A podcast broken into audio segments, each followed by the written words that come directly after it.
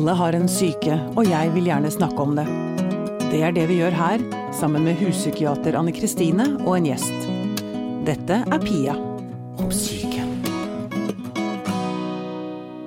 Du, Anne Kristine, det er jo litt rart, for vanligvis så ønsker vi jo gjesten velkommen til oss. Det er litt det, det er litt rart i dag, fordi i dag har vi hva på å si, invadert hjemmet til gjesten vår. Ja. Ja. Det er for å forhindre at jeg skal komme på ne- defensiven allerede før vi har begynt, og at jeg vil at folk skal komme hit Ja. til kjøkkenet. Til kjøkkenet. Torvald Stoltenberg, tusen takk for at vi får lov til å komme inn på kjøkkenet ditt. Nei, det er stas for meg, det, skjønner du. Ja.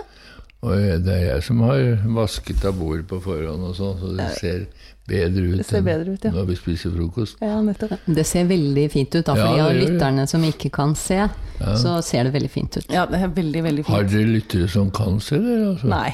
Eller de kan vel se. De, lytterne, Men ikke de lytterne som ikke kan se, tenker jeg at det er, er ja. Du, um, vi sitter jo vel kanskje nå i Norges mest berømte kjøkken. Ja, det tror jeg. Det Ja. kan det være. Det tror jeg Ja, det står jeg ved. Det er skikkelig stas, Ja. kjenner jeg. Det er skikkelig stas. Og du sitter på stolen som Nelson Mandela satt på. Å, det var det neste. Det var nemlig det første spørsmålet mitt. Ja. Det er helt utrolig. Tenk deg det. Ja, det, det. den. Jeg sitter på stolen Og til den Nelson Mandela. stolen har vi tatt vare på. Ja, Ja. det skjønner jeg. Den burde jo jeg håper å si, rammes inn. Ja, ja jeg, jeg, jeg, jeg, jeg, jeg, jeg har ramma inn bildet. Ja. Du, Torvald, vi skal snakke om noe som eh, du er veldig opptatt av, nemlig eh, narkotikapolitikk ja. og narkomani og sånn. Men aller først så har jeg lyst til å spørre deg et, også et annet viktig spørsmål. Hvordan har du det? Hvordan jeg har det? Ja. Jeg, jeg har, jeg har det bra, jeg. Altså, Eh, eh, dette er jo mitt problem, at jeg har det alltid bra. Det skal godt gjøres at jeg ikke har det bra. Da skal det virkelig være Ja, jeg hadde det ikke bra da jeg i løpet av et år mistet uh, kona mi Karin og Nini. Mm. da hadde jeg det forferdelig. Men jeg tror det er eneste gang i mitt liv hvor, hvor Torvald har hatt det ille. Ille, ja. Mm. Men tok du deg selv på alvor da, holdt jeg på å si?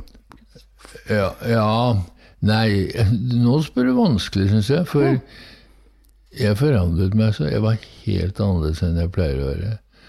Og jeg syns det var uhyggelig.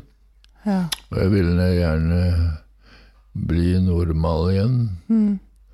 Og, og så eh, traff jeg Anja, eh, som er kjæresten min nå, og eh, merket at det hjalp kolossalt på min sinnsstemning og min måte å være på. Nå føler jeg at jeg er som før. ja. Det er jo fantastisk, da. Ja, det er det, men jeg, jeg syns det var en uhyggelig tid hvor jeg visste at jeg var annerledes. Ja. Jeg, jeg hadde ikke noe behov for å være annerledes, men eh, jeg visste og følte det og eh, gjorde dumme ting. Og, Men det må jo være lov etter å ha opplevd det du Altså ja. å miste datter og kone er jo ja, nei, det er øh, vondt. De var to av en familie på fem. Og, og så plutselig i løpet av et år så mister du både øh, øh, ektefelle, kjæreste, om du vil. For vi var kjærester da vi var 14 år, vi. Ja, ikke sant. Og så var vi gift i mange år. eh, Jeg tror det var 61. Uh, og så dør hun plutselig, selv om hun røkte kolossalt. Og de årene vi var sammen, enten som kjærester eller som ektefeller, så prøvde jeg å få henne til å stoppe røyken, men jeg greide det ikke. Nei. Og det var det som gjorde at hun fikk kreft i spiserøret. Men eh, Og kom på sykehus. Men jeg trodde hun skulle bli frisk av det å komme hjem igjen. Og så fikk hun plutselig indre blødninger, og i løpet av ja, noen minutter så var hun død. Ja. Så det var et slags sjokk også Ja. oppi dette. Um, men du, eh, Ninni. Ninni, ja. Ja. Din datter. Ja. Du kaller eh, Du sier at narkomani er den siste ulovlige sykdommen. Ja. Mm. Kan, du, Eh, kan du fort si litt om Jo, det? Jo, jo. tenker øh, øh, jeg har jo øhm, personlig opplevd gjennom at da det ble klart at Ninni tok stoff Mm. Jeg tror jeg skal begynne litt før det. Ja, gjør det. Hvor, Eh, hvor for- gammel var hun da hun begynte med det? Bo-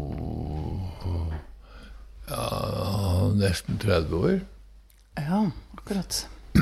Men ble Hun var i alle mulige eh, grupper av, av folk, og mye sånn uh, Robert eh, tomme boliger. Uh, Husokkupanter. Ja. ja. Mm. Og så ble jeg da spurt eh, av venner og bekjente er du ikke redd for at Nini kan komme borti noe tull. sånn. Og da svarte jeg nei. Nei. Det er jeg ikke noe redd for, fordi jeg tror hun er vaksinert. Vaksinert? Kan du vaksinere mot eh, stoffbruk?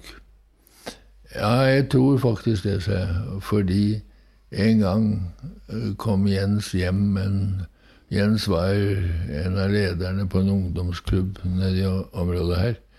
Og så på vei hjem sent en kveld så så at det lå en uh, ung gutt og sov i noen busker.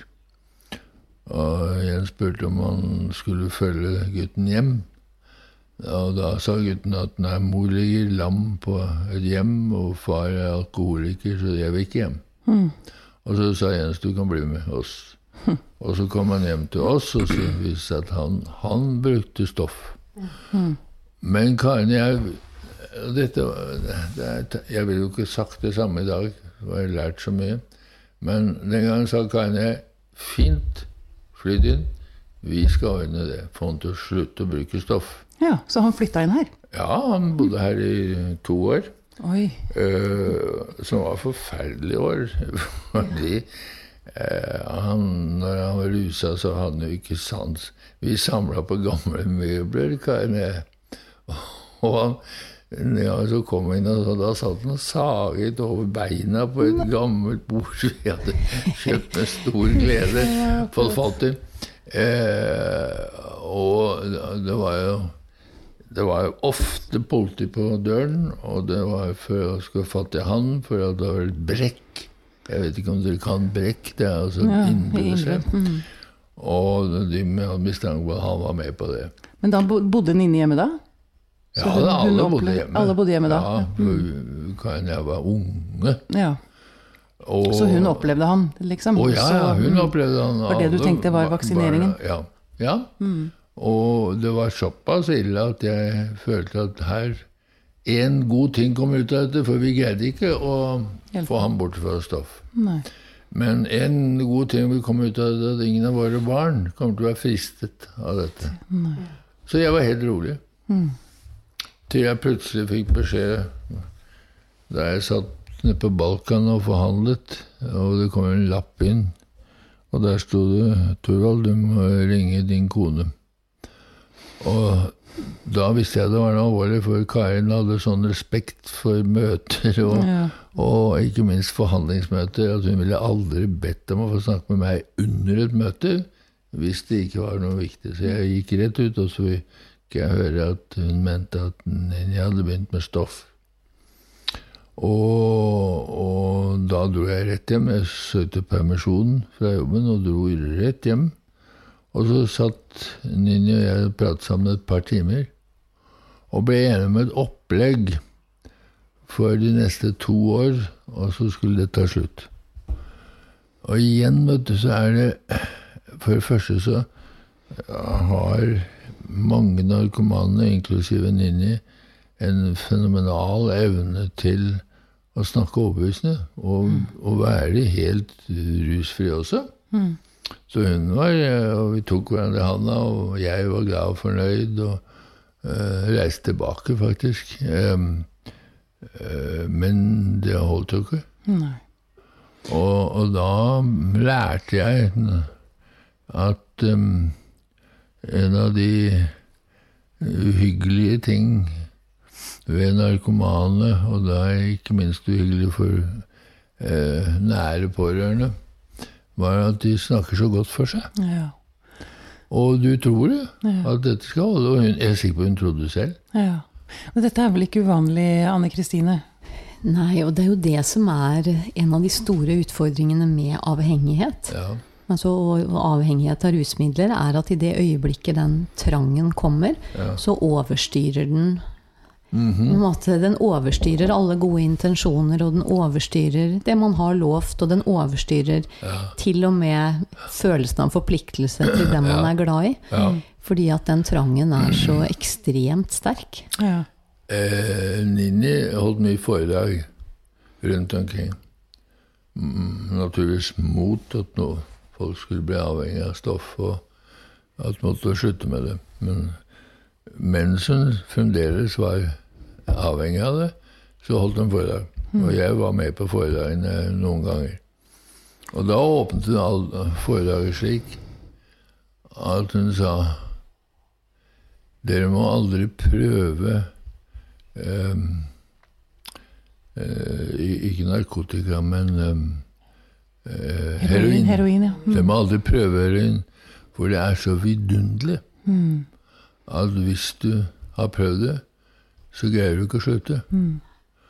Og det var jo mange, eh, mange eh, eldre mennesker som reagerte på det. Men jeg ville ikke rette på Nini. Hun- måtte holde sitt foredrag som hun følte det, og slik følte hun det. Og jeg tror det var helt riktig å si at du må ikke engang prøve det. Fordi det er så skjønt at du blir lett avhengig. Jeg har hørt, hørt det blitt sagt eh, at det derre første gangen man tar heroin, det er en så ja, herlig Ja, opplevelse ja, ja. at veldig mange fortsetter i årevis Ja. å jakte på den første opplevelsen igjen. Ja. Og det er ikke mulig. Jeg, altså, jeg kan ikke så mye om det, men jeg har hørt flere Ja. si akkurat det som du beskriver der. Og da blir det jo at man blir liksom drevet til at kanskje neste gang så blir det like bra. Ja. Kanskje neste gang, og så er man til slutt avhengig også fysisk. Altså at kroppen på en måte krever det. Ja, det var hun. Altså, hun ble jo med dette på- Skal vi se en 20 år. Ja. Hun døde da hun var eh, 50. Men, men hun døde ikke av overdose, eller sånn, for da hadde hun sluttet. Hun hadde greid å frigjøre seg fra dette, både stoffet og miljøet. Det er godt gjort. Det er Ja, det er kjempegodt gjort. Det henger sammen. Ja, det henger jo sammen. For eh, så prøver du kanskje å redusere inntak. Men så er det ingen igjen. Altså, øh, nå hadde Nini øh, var så heldig at hun hadde noen venner som holdt fast ved henne hele tiden. Men, men Ja, Som ikke drev med rus? Ja, som ikke drev med stoff? ikke. Mm. Eh, Og som prøvde å få henne bort fra det. Men eh, det tok altså ikke to år, som vi ble enige om, men 20. Nesten 20. 30. Mm, Ja, nesten 20. Det er over 20. Over 20 år. Um, jeg tenker på andre foreldre som sitter der ute og hører på dette, som har barn Ja. som uh, ruser seg. Ja. Det er både dette med at det er vanskelig å vite om de snakker sant, men også uh, Jeg vet at du også har snakket om det, Thorvald, at den derre sjelegranskingen Hva har jeg gjort galt? Ja. Det også må være veldig vondt. Ja, jeg, jeg har jo fremdeles så mange år etter eh, dette var aktuelt, så ringer folk. Og jeg, jeg tror jeg ikke overdriver hvis jeg sier omtrent én i uken. Oh. Gjennomgående. Og, og det uh, ber om råd. mm, Og, jeg, og dette er samtidig svar til deg, da. Eh, jeg sier jeg kan jo ikke gi deg råd, for jeg kjenner ikke deg som ringer. mm. Og jeg kjenner jo ikke hun eller han det gjelder. Mm. Uh, men jeg kan gi ett råd, og det er at du må aldri gi opp. Hvis du gir opp, så går det galt. Mm. Uh, og det holder jeg fast ved en mm. dag i dag, at uh, det er så viktig å ikke gi opp. Og for, for, det eh, Jeg tror noen Hvis du ikke har vært pårørende selv, så kan du ikke forestille deg hvor mange skuffelser. Nei. Og hvor langt nede du er i fortvilelse over at du ikke får til det med din aller nærmeste, mm. nemlig barn. Mm. Og eh, eh, ja, ble, da, da, Jens var statsminister, så ble jeg ofte spurt om jeg ikke var stolt av, av en sønn som var statsminister. Da sa jeg jo jeg er kjempestolt. Men jeg er meget stolt av Camilla, som er leder for Folkehelseinstituttet. Og jeg er stolt av Ninni. Og så ble det liksom ja, Ninni? Mm, mm. Ja. ja, for hun arbeider sterkt på og har greid å frigjøre seg fra avhengighet av stoff. Mm. Og til og med det miljøet som mm. bringer det inn. Og så sa jeg jeg tror på mange måter det er større prestasjon enn å bli statsminister i Norge, for jeg har fulgt begge på nært hold. ja. Du blir i hvert fall mye mer heiet frem på en eller annen måte når du er statsminister. Det er, ja. mer, det er mer, status i det. ja, både og der og da, med heie frem. Det, det er opp og ned, men, men, ja. men jeg, jeg, jeg, skjønner hva du mener. Du har et apparat rundt deg som ja. Eh, og du har hjelp. Og så, mm. og så er det jo Hele poenget er å være med på å gjøre noe konstruktivt. Mm. Noe som er bra. Mm. Mm. Men du sier at eh, narkomani er den siste ulovlige sykdommen. Ja, og det Og du, jeg vet jo for legalisering. Delvis, i hvert fall. Ja, det er svar på det. Altså, mm. uh, først er det helt riktig at jeg har kalt det den siste ulovlige sykdom. Mm.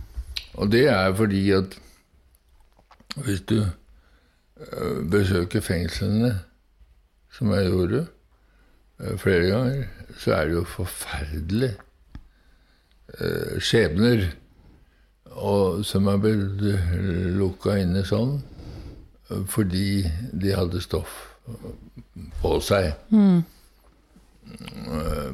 På slutten så gikk det vel over til 10 000 kroner i bot for å ha én for én person. Brukerlose, helt riktig. der er mm. brukerlose på det. Og eh, du får jo ikke det hvis du dette, Så er svaret ja, men dette er selvforskyldt. Mm.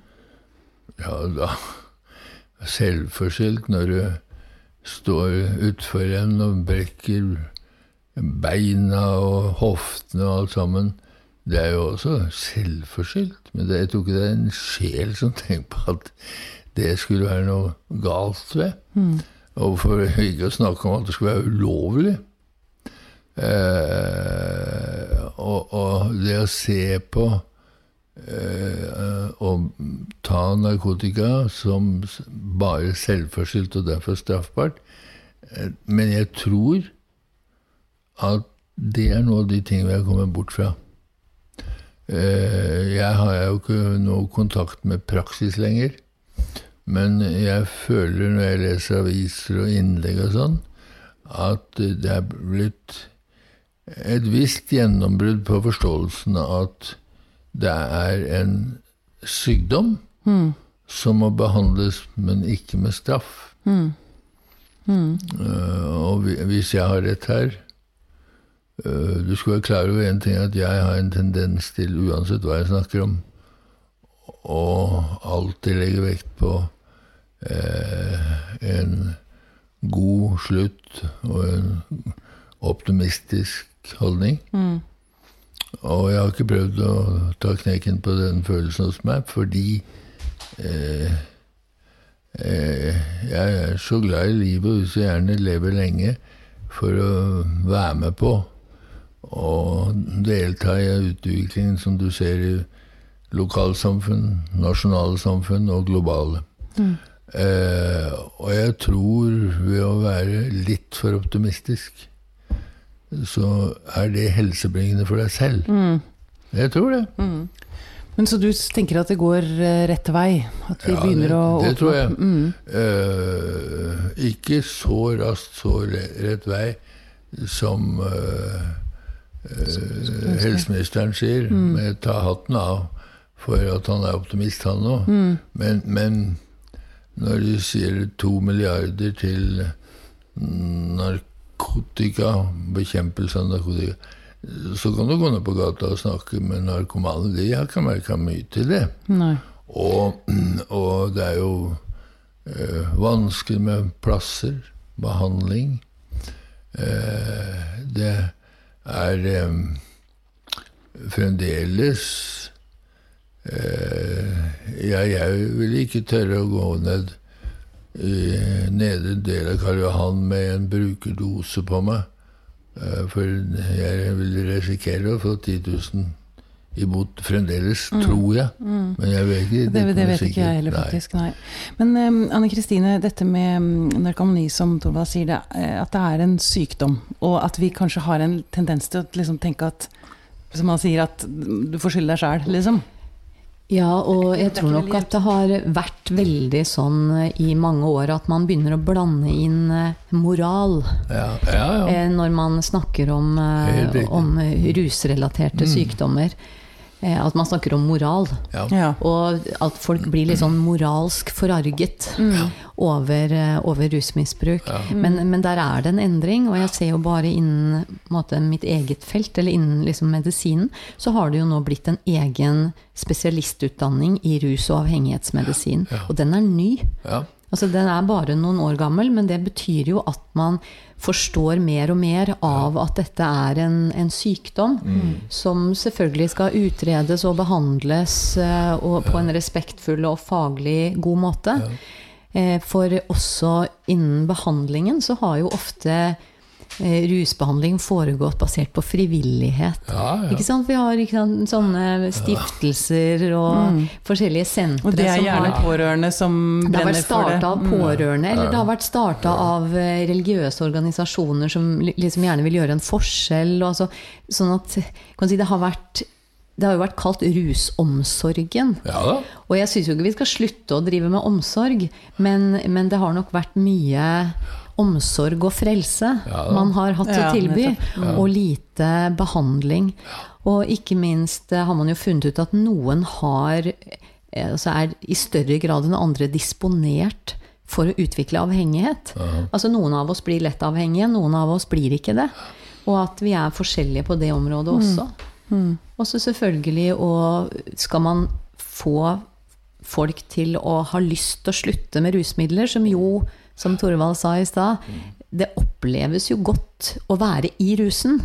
Så hvis du skal tilby folk noe annet, så må du jo tilby dem noe ordentlig.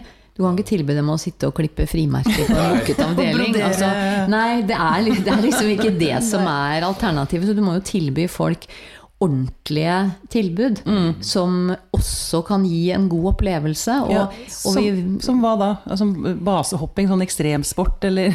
de har jo prøvd det på en del ungdommer, ungdommer, og det virker jo. Altså det, Mm. Ja. det er mange Det som har veldig kick, god Men det som er utfordringen der, er at du kan ikke drive med basehopping og hanggliding hver dag. Nei. Nei. Og ikke hele livet. Og ikke hele livet. Så det er på en måte så er det litt sånn dårlig gjort. For det du tilbyr da, er jo en type avhengighet, og så bytter du ut med en annen.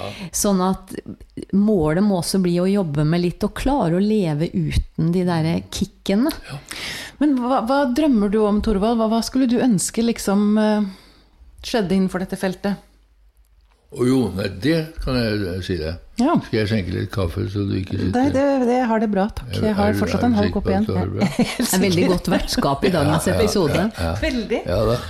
Men eh, jo eh, Først vil jeg svare på det aller første spørsmålet du hadde til meg, som jeg, jeg er så ivrig på å svare at jeg hoppet over det første. Ja. Nemlig det må jo, Du må jo stille spørsmål ved eh, deg selv. Hvilke feil har jeg gjort når jeg får en datter som blir avhengig?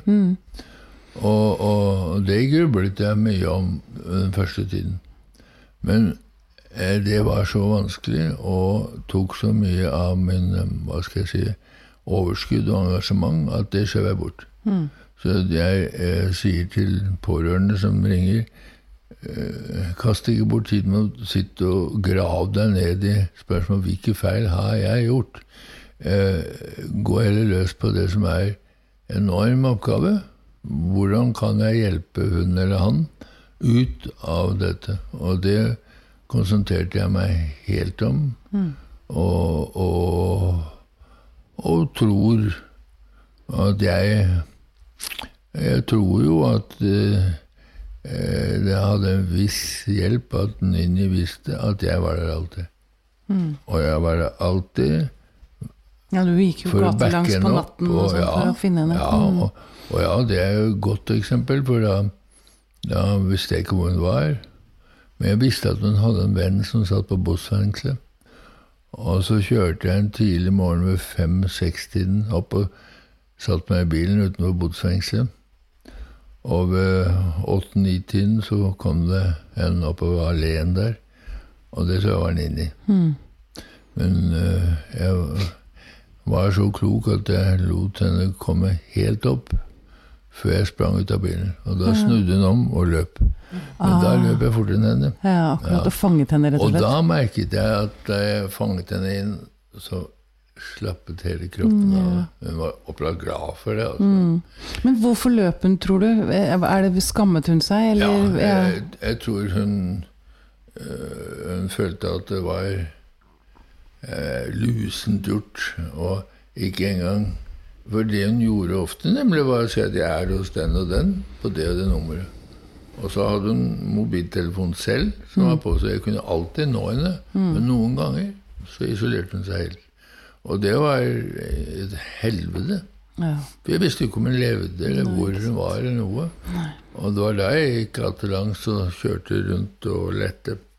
Og det hadde jeg gjort da, og jeg tror at hun ble lettet og glad også selv fordi hun hadde dårlig samvittighet. For, for det at hun visste hun hadde plaget meg ekstra.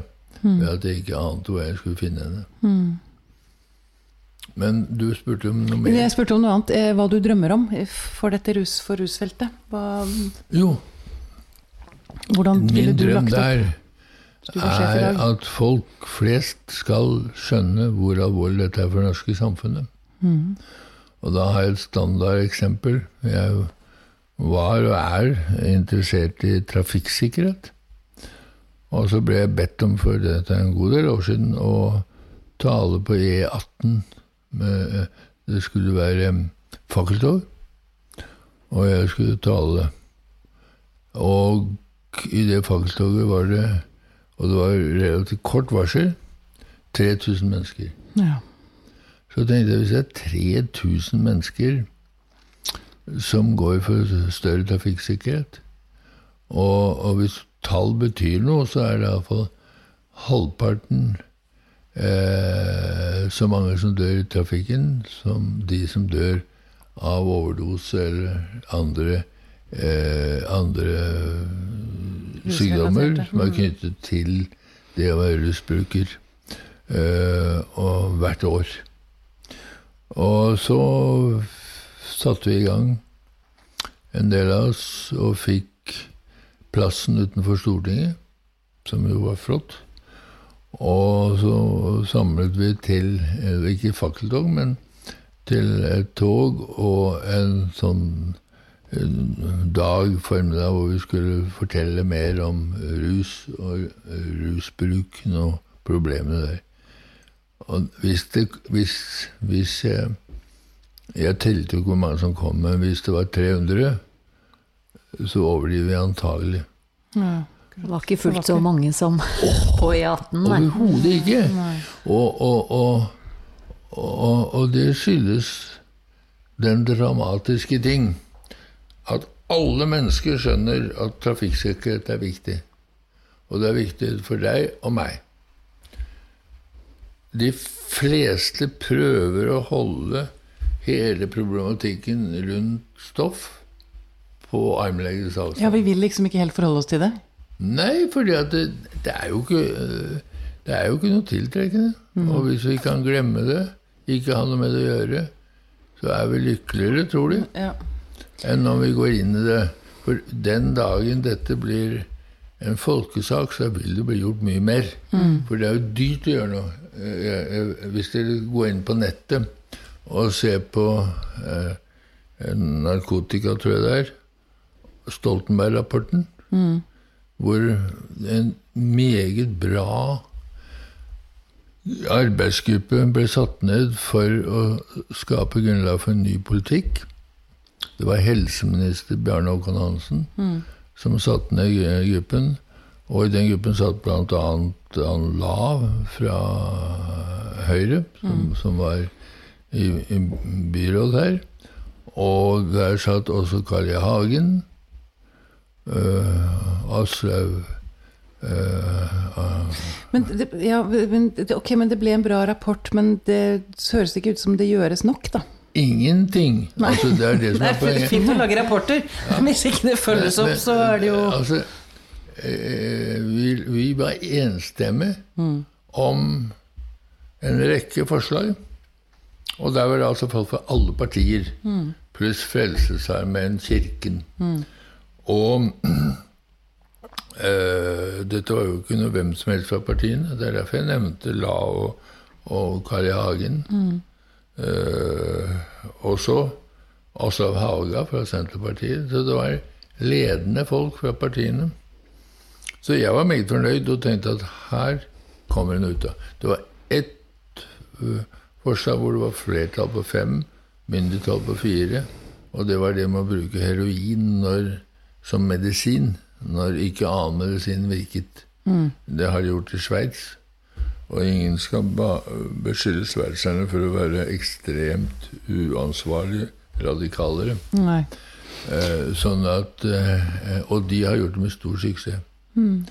Og dette eh, trodde jeg ville bli omsatt i virkelighet. Det er ikke bare Det er ikke behandlet. Og, og dessuten Hvem var det jeg gjorde dette for? For Helsedepartementet. Og da eh, eh, nåværende helseminister eh, Bent Høie. Bent Høie annonserte at nå vil han overføre eh, narkotikaspørsmål, narkomanene, fra justissektoren til helsesektoren. Så var det førsteside i alle aviser. Og det var stor glede fra mange mennesker og, som uttalte seg om på. Og jeg var glad også. Men dette hadde jo skjedd for ti år siden. Altså Poenget er at folk er ikke interessert. Og så lenge folk ikke er interessert, så kommer det ikke til å skje nødvendige ting. Det ting, nei.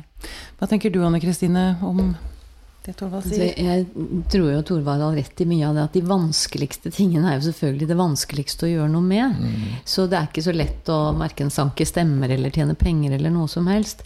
Og jeg, så jeg tenker jo at det, ikke sant, det alvorlige rusmisbruket og de alvorlige psykiske sykdommene, det er jo det det snakkes minst om.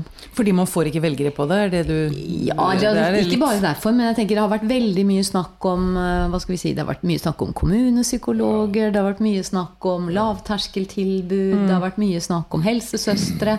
Og ikke sant, alle de tingene er veldig, veldig bra. Så det er ikke det at det er dårlig, men de aller, aller eh, på en måte, svakeste i gåsetegn Jeg liker ikke å bruke det ordet, men altså de som ikke har noen eh, lobbygruppe. Nei. Det er jo de som har tunge psykoselidelser, de som har eh, tungt rusmisbruk, f.eks. med heroin, og gjerne blanding. Ja. Men du har både rusmisbruk og tunge psykiske lidelser. Altså, de, det er ingen som står, akkurat som Thorvald forteller, det er ingen som står og går i fakkeltog for dem og står med, med bannere for dem. Så det er de, kanskje de gruppene som kommer dårligst ut. ut. Så jeg tror også at vi må gjøre noe her. Og så hjelper det ikke med bare tilbud om en poliklinisk time en gang i uka til de som virkelig har det tøft. De trenger en seng, et sted, og ikke minst trenger de tid. Og det er kanskje det som har blitt eh, salderingsposten i, i helsesammenheng. Det er Mm. tid. Vi har jo ikke tid til å ha folk innomhus lenger. Og helst skal alle klare seg med en prat i ny og ne. Ja. Og det holder ikke når vi snakker om de som Tyngre, lider mest, og hvor hele livet er eh, ramma. For det går jo utover økonomi, det går utover det sosiale livet, det går utover hvordan du bor. Altså alle disse tingene påvirkes eh, både ved alvorlige Og det ruslidelser, går utover pårørende. og ikke minst, det går veldig utover pårørende. Det ødelegger familie, vet du. Ja. For det er så dominerende i en, Å, ja. Komme deg nærmere mikrofonen. Det kan ødelegge familier, for det er så dominerende problem i en familie. Eh, så det er ikke bare å hjelpe hun eller han som er narkoman, men også hjelpe eh, de nærmeste pårørende og venner. Jeg, Hva- hva- jeg, jeg bare lyst til å føye til det, for det, den eh, Retretten eh, de ga ut en bok for noen få år siden som heter 'Rusomsorg i praksis'. Og Der er det bl.a. et kapittel om i hvilken grad pårørende får egne helseplager. Ja. Og de studiene som det var vist til i den boka, viste at f.eks. muskel-skjelettsykdommer, magesmerter, hodepine Det var liksom sånn Det var nesten alle pårørende til noen med et alvorlig rusproblem hadde en av de typene plager. Så det går på helsa løs også for de pårørende. Ikke sant? Så, hva, hva gjorde det med familien Stoltenberg? Ble dere mer sammensveiset Ja. av det? Ja. Det er ingen tvil om. Alle eh, Ja, det beste bildet på det er at Ninni fikk en infeksjon øh, som var livsfarlig. Og ble lagt inn på Ullevål øh, til behandling der. Og svevde mellom liv og død. Og da øh, gikk vi på runde. Da satt Camilla om eh, ettermiddag, kveld og natt og arbeidet med doktorgrad, som hun eh, skulle ta. Og Jens var finansminister og satt med eh, budsjettarbeidet ved sengen om natta. De to, fordi de var fullt engasjert om dagen, de to delte natta. Og Karin og jeg delte dagvaktene. Eh, og- og det, Altså, det var ikke bare at det brakte oss sammen, men uh, Ninni glemmer det aldri. Hun glemte det aldri. Det gjorde et voldsomt inntrykk på henne. Så vår familie ble tettere. ja. Men jeg har ikke noe problem med å skjønne at det mm, går på familie eh, Harmonien i familien, det er ikke noe tvil om. Hva tenker du at den opplevelsen, de årene med Ninni og hennes kamp, eh, har gjort med deg? Jeg tror det viktigste det har gjort med meg, er eh, betydningen Jeg har sett betydningen ja, For det første å være helt overbevist om at du må ikke gi opp. Det var så fristende av og til å gi opp, for det var Åh, når jeg nå snakker om det, så blir jeg sliten. Jo, for det, det, det, var, det var et Du våknet om morgenen, og du visste er det noe gærent. Ja, og der nede. Hvor var hun? Og hva sto det til med henne? Og, og så kom disse her nye stoffene som ble laget av kjemiske midler, og som var enda farligere. Alt dette her var du nervøs for og redd for. Mm. Uh, uh, og det må jeg jo være ærlig nok til å si at uh, det var forferdelig da han inn i døde. Og jeg savner henne hver dag, flere ganger om dagen, og jeg har bilde av henne overalt. Eh, men jeg merker jo lettelsen når det kommer nyheter om det og den nye advarsel mot det og det nye middelet som er fremstilt, og som er farligere enn noe annet. Så tenker jeg vel, det er ikke lenger min sak. Eh, men jeg kommer aldri til å gi opp det lille jeg kan gjøre for å bidra til at vi får slutt på dette. Det er, er stile for høyt, men iallfall for nakketak på mm. det å bli rusavhengig. Det kommer jeg ikke til å gi opp. Nei. Så jeg har kontakt med mange fra miljøet, og jeg har eh, kontakt med arbeidet. Og på, i håp om at det mobiliserer flere mennesker. Mm. Det er vel ikke tvil om at um, altså, pårørende er jo noen skikkelige helter. Eh, det jeg har bare lyst til å altså, Igjen, hvis det sitter foreldre der ute, eller søsken, eh, venner, mm. eh, som slåss for en som sliter med rusmisbruk. Ja. Det er en kjempejobb dere gjør. Og de må ikke gi seg. De må ikke gi seg. Men, men det er jo altså det er jo mange som ikke orker det. Mm. Og det må man også ha respekt for. Altså. Mm. Eh, det er så krevende eh, at Camilla og Jens, altså eh, de to eldste barna, var, og la ikke noe skjul på det, redd for min helse. Ja. For at ja, For det kommer vel til et punkt òg hvor man kanskje må si stopp. Altså, og jeg har også lyst til å trekke inn det du sa om lettelsen. Som kanskje også kan være litt vondt, men allikevel så er det, det er veldig forståelig. Jeg, jeg tror det vi må bare si til alle de som hører på også, det er at altså, man blir ikke sterkere av motgang. Det er slitsomt å ha det slitsomt, og det er vondt å ha det vondt. Sånn at hvordan man lever med det å ha en, en slitsom periode i livet, handler jo litt om hvordan man har hatt det fra før. Hvordan man snakker sammen i familien, altså hvordan man har det sånn ellers. Så, så, det er jo i hvert fall en tolkning av det du har fortalt, Torvald. Det er jo det at dere var en sammensveisa familie som støttet hverandre og var glad i hverandre lenge før Ninni fikk et rusproblem. Så dere hadde litt å gå på. Ja, Men så kan man jo se for seg familier som har hatt det strevsomt, og som kanskje har både dårlig økonomi, andre helseplager Altså at det er mye annet som er belastende. Og når da et barn utvikler et rusproblem, så har man jo veldig mye mindre å gå på. Og da kan det hende at man rett og slett ikke klarer å stå i det fordi man rett og slett ikke har krefter til det. Og det er jo da det offentlige blir ekstra viktig. For det skal jo ikke være sånn at man er avhengig av sterke, friske pårørende for å få hjelp. Nei, men det er jo ja, sånn, sånn, er det. Men det burde det ikke være. Nei da, jeg er helt enig. Men det skyldes nok jeg, jeg, var jo blant de som gikk på Plata en del. Uh, for å holde kontakt med uh, miljøet og hjelpe til det jeg kunne. Uh, da var jeg for Kirkens Bymisjon, som gjør en strålende jobb. Veldig.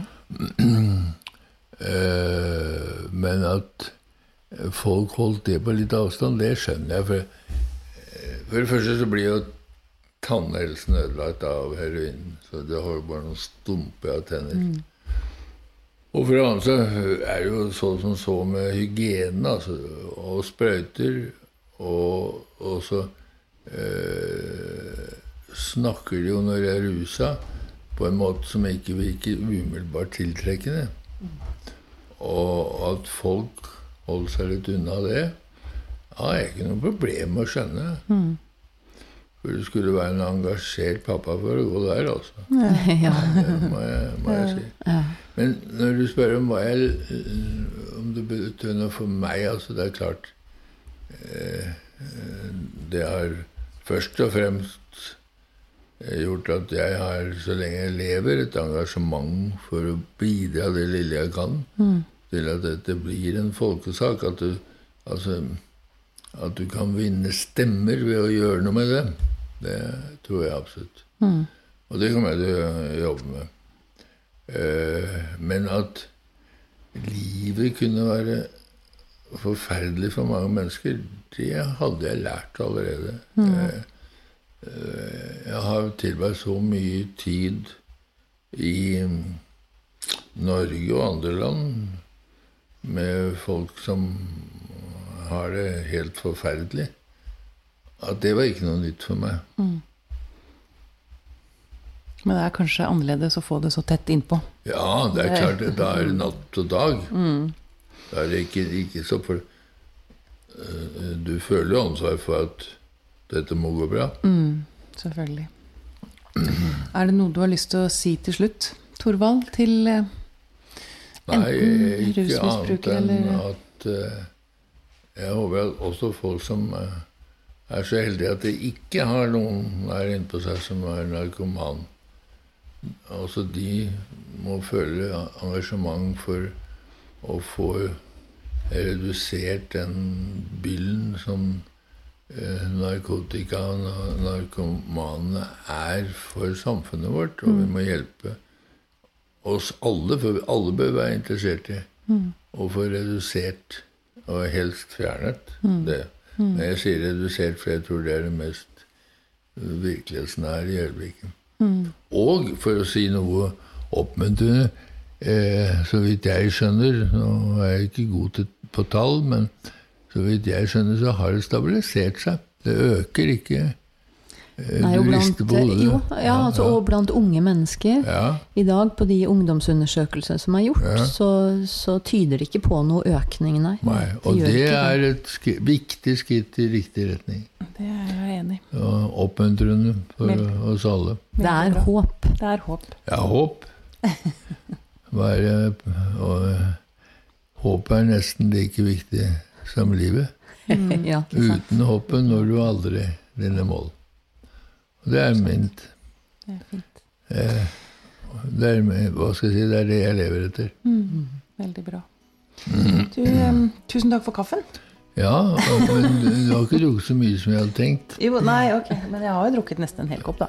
Har du? Den var veldig god. Ja, og du har drukket nesten en hel, ja. Ja, ja. ja. Jeg har jo vært opptatt av å snakke og Ja, lytte. det, det, og det er jeg glad for. Torvald Stoltenberg, tusen takk for oss. Takk for oss. Takk for at dere ville komme.